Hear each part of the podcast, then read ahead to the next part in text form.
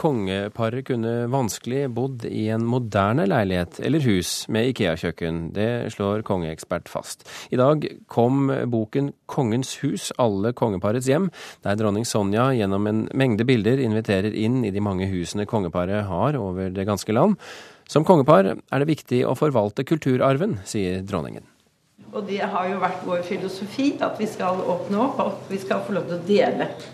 For det er ganske viktig. Det er jo, har jo ingen hensikt at kongen og jeg sitter der alene hvis vi ikke kan dele med dere.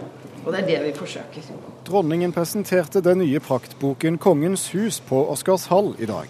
En bok der hun selv har bidratt med tekst til bildene fra de tolv boligene kongeparet har. Hva skal jeg si? Å gå tilbake i historien nesten i hvert eneste hus Og finne en atmosfære, Og finne den historien. Ja, dette er ren kulturhistorie som vi må ta vare på. Kongen og dronningen har i sine 21 år på Slottet sørget for oppussing av flere av de kongelige eiendommene. Og dronningen har brukt mye tid på arbeidet.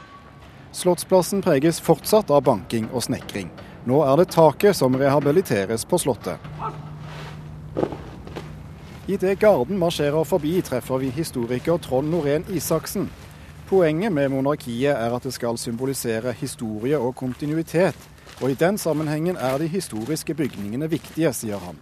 Det ville vært dumt å flytte ut, slik svenskekongen har gjort. Det svenske kongeparet de har jo valgt å flytte ut av Slottet, og flytte ut på Drottningholm slott utenfor byen i stedet. Men da det skjedde, så mista jo Stockholm slott litt av sjela si. Eh, et slott mister veldig fort en del av sjela si når det ikke er bebodd. Eh, det blir veldig fort et museumsslott eller et kontorslott. Men et slott som er bebodd, det har liksom en litt mer spesiell eh, si, en spesiell magi, eller det er noe spesielt med det. Særlig turister kan man si, er jo også veldig opptatt av det at faktisk kongeparet bor på Slottet. Men vi liker jo å si at vi, vi har et uh, moderne monarki. Hadde det ikke da vært en god idé å kanskje gjort om Slottet til et slottsmuseum, og så bygge noe flott moderne i glass og, og, og stål, og et Ikea-kjøkken til kongeparet? Det fins vel noen Ikea-møbler på Slottet, så vidt jeg vet. så de har jo funnet en ganske sånn fin balanse mellom at de har tatt vare på det historiske, samtidig som de har tilført en del eh, moderne uh, grep. Heller ikke samfunnsgeograf Carl Fredrik Tangen synes en moderne bolig er en god idé for kongeparet. Altså, de kunne ikke hatt det som førstehuset sitt. Som representasjonsboligen, som det de framstår med. For det er ikke det som På et grunnleggende nivå så er det det historiske som rettferdiggjør eh, monarkiet. Og så har du et annet nivå som er mer sånn det funksjonelle. Og Det er den sida som er det nye og det moderne. Kongefamilien har en identitetsutfordring i dette landet, fortsetter Tangen. Han mener det at de har hus over det meste av landet, fra sjøen til fjellet, hjelper dem med den tidvis vanskelige erkenorske grensen mellom konge og folket. Men en ny og moderne bolig vil sende helt feil signaler. De kongelige skal være opphøyde og som oss på, på en gang.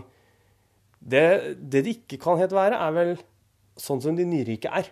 Altså, de kan De er annerledes enn oss av noen sånne historiske årsaker. De er ikke annerledes enn oss fordi de syns de er bedre enn uh, en oss.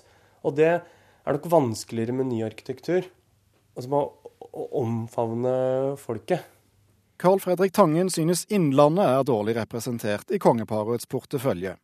Kongehuset leier gamle Jørstad gård, som nå er flyttet til Folkemuseet Maihaugen på Lillehammer. Her må nasjonen ta grep. Nei, det, det, det det, det, tror jeg jo ikke holder.